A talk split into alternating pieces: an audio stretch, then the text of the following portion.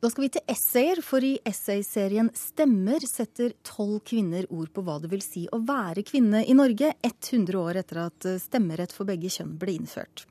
Hashtag selfie er tittelen på utgaven som er ført i pennen av deg, Charlotte Thorstvedt, moteredaktør i Det Nye og selverklært feminist. Yes. Men du, Motebransjen og feminisme, det er nok mange som vil si at det ikke går sånn direkte hånd i hånd. Kan en moteredaktør være ekte feminist? Det syns jeg absolutt. Jeg syns at det er nettopp vi som sitter i disse maktposisjonene som kommuniserer med unge jenter og har en stor påvirkning der. Det er nettopp vi som burde ha snøring på disse typer problemstillinger. Og akkurat i mitt magasin som jeg jobber i, Det Nye, så er vi veldig bevisst over den makten vi har til å påvirke jenter. Eh, og vi passer på at vi bruker sunne modeller og, og, den slags. Vi skal faktisk trykke et utdrag fra dette essayet mitt i det nye. Så det, eh, vi er absolutt bevisst på det. Synes, eh, ja, hva, hva, gjør dere da for å fremme et, mer sunnere syn og det feministiske synet? det feministiske synet. Som sagt så bruker vi sunnere modeller. Vi skal trykke et utdrag av teksten min, som jo handler om feminisme.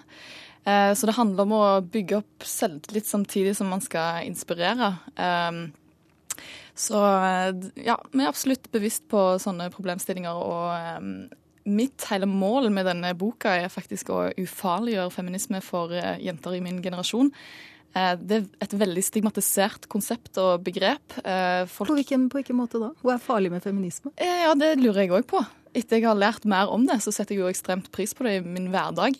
Um, men uh, iallfall mange som jeg kjenner, og um, mange i min generasjon, tror jeg eh, Med en gang jeg nevner ordet, så blir de nervøse, de grøsser, de trekker seg tilbake og rynker på nesen. Og det framkaller et slags ubehag og en nervøsitet blant folk eh, fordi at de assosierer det med rødstrømper og eh, demonstrasjonstog og bh-brenning og metoder som ble stort sett brukt på 70-tallet av våre feministiske formødre for å kjempe for grunnleggende rettigheter som p-pille og abort og slike ting men de metodene er kanskje ikke like relevante i dag. Ja, Hva er å være feminist i, i dag, da?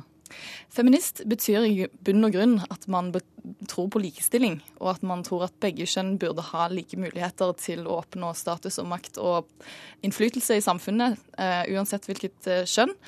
Så det er det det betyr i bunn og grunn. Men feminismen har jo splinteren i mange forskjellige retninger. Alt fra lipstick-feminisme til eh, radikal feminisme på den andre motpolen. Så Hva er forskjellen mellom disse, da? Jo, det, de er kanskje de to, to av de mest eh, kontrastfylte typer feminisme. Men lipstick-feminisme mener at eh, kvinner burde ha kontroll over egen kropp. Du kan gjøre hva du vil med kroppen din. Om du har lyst til å kle av deg i media eller hva, hva enn det måtte være, stille opp lettkledd, så eh, jobbe som eh, sexarbeider, hva, hva enn du vil gjøre med kroppen din, så har du egentlig lov til det. Mens radikalfeministene vil kanskje påstå at eh, nei, man, dette er ikke kvinners egen fri vilje. Man, eh, man er innlemma i et patriarkalsk ideologi, så man bruker de banene til makt som man har til rådighet, og det er ikke ordentlig kvinnelig frigjøring, dette her. Hva slags feminist vil du klassifisere deg selv som, da? Jeg er av den oppfatning at um, f.eks. et av de avsnittene som jeg skriver om i teksten min, handler om kvinnelige popstjerner. Um, som uh, jeg syns nå til dags at det har blitt en slags formel som uh, kvinnelige popstjerner følger. At de vil gjerne opptre i ført bh og truse på scenen. Hvis man ser på Lady Gaga, Rihanna og Miley Cyrus, for å ikke snakke om Miley Cyrus, som akkurat eh, skapte mye oppsikt med hennes VMAs-opptreden. Um, det har blitt Når Madonna gjorde det på 80-tallet, så var det banebrytende. Men nå syns jeg at det begynner å ligne på en slags formel eh, som alle må følge som kvinnelig popstjerne hvis du har lyst til å holde deg edgy nok og interessant nok eh, for at folk skal fortsette å synes at du er relevant. Og det, jeg syns at det skal være mulig å ha litt mer fokus på ferdigheter, og at dette ikke skal bli en slags industristandard som alle må følge.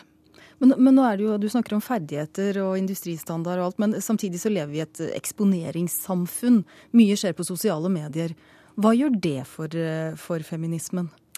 Ja, hele teksten min heter jo hashtag selfie, og det har eh, en dobbeltbetydning. betydning, fordi jeg snakker mye om sosiale medier i teksten. Eh, dette med selveksponering som jeg bemerker meg at alle, folk i min generasjon Jeg er jo selv en del av Instagram-generasjonen. Og vi har et enormt behov for å eksponere oss sjøl og pakke selget inn i en slags markedsføringspakke med hashtags og slagord og filtre. Og så ja, jeg, jeg undersøker det i, i, i, boken og utforsker um, dette eksponeringsbehovet. Uh, hva det gjør med feminismen, uh, er jeg litt usikker på. Um, men det at vi har fått så mange nye kanaler som Facebook og Instagram og eh, blogger, for ikke å snakke om blogger, eh, som skaper sitt eget univers rundt hva de spiser til frokost, hvor mange mil de har løpt eh, den morgenen, eh, hva de, deg, hva, de har på seg, dagens antrekk og, og slike ting. at cellet har blitt en slags greie som folk markedsfører aktivt, og skaper en business rundt det. Men Hvordan skal vi få, eller skape mer selvbevissthet rundt dette her, da? Målet mitt med boka er jo nettopp det å ufarliggjøre feminisme, fordi jeg føler at det har hjulpet meg til å få et annet syn på kvinners posisjon i samfunnet. Eh, nå legger jeg merke til sammenhenger som tidligere hadde gått meg hus forbi, som sexisme i skjult eh, forkledning, uh, for eksempel. Um, og jeg ser på det som en ting som mange kan ha nytte av, og jeg har lyst å spre det som jeg har fått ut av å lære litt mer om feminisme til andre. For jeg tror at det kan gi folk litt mer kontroll, føle seg mer kontrollerte i visse situasjoner. Um, og feminisme trenger ikke handle om de svært alvorlige temaene, selv om de politiske temaene om kvotering og mamma- og pappapermisjon og sånne ting er veldig viktig å diskutere. Så syns jeg òg at det kan ha, um, være meningsfullt i mer dagligdagse situasjoner.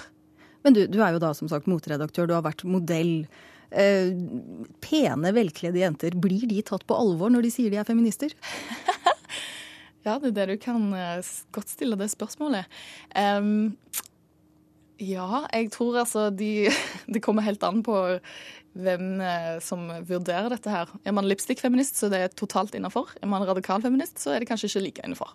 Da får det være siste ord om feminisme her i Kulturnytt i dag, for eh, nå går vi mot slutten. Takk skal du ha, moteredaktør i Det Nye og selverklært feminist eh, Charlotte Thorstvedt.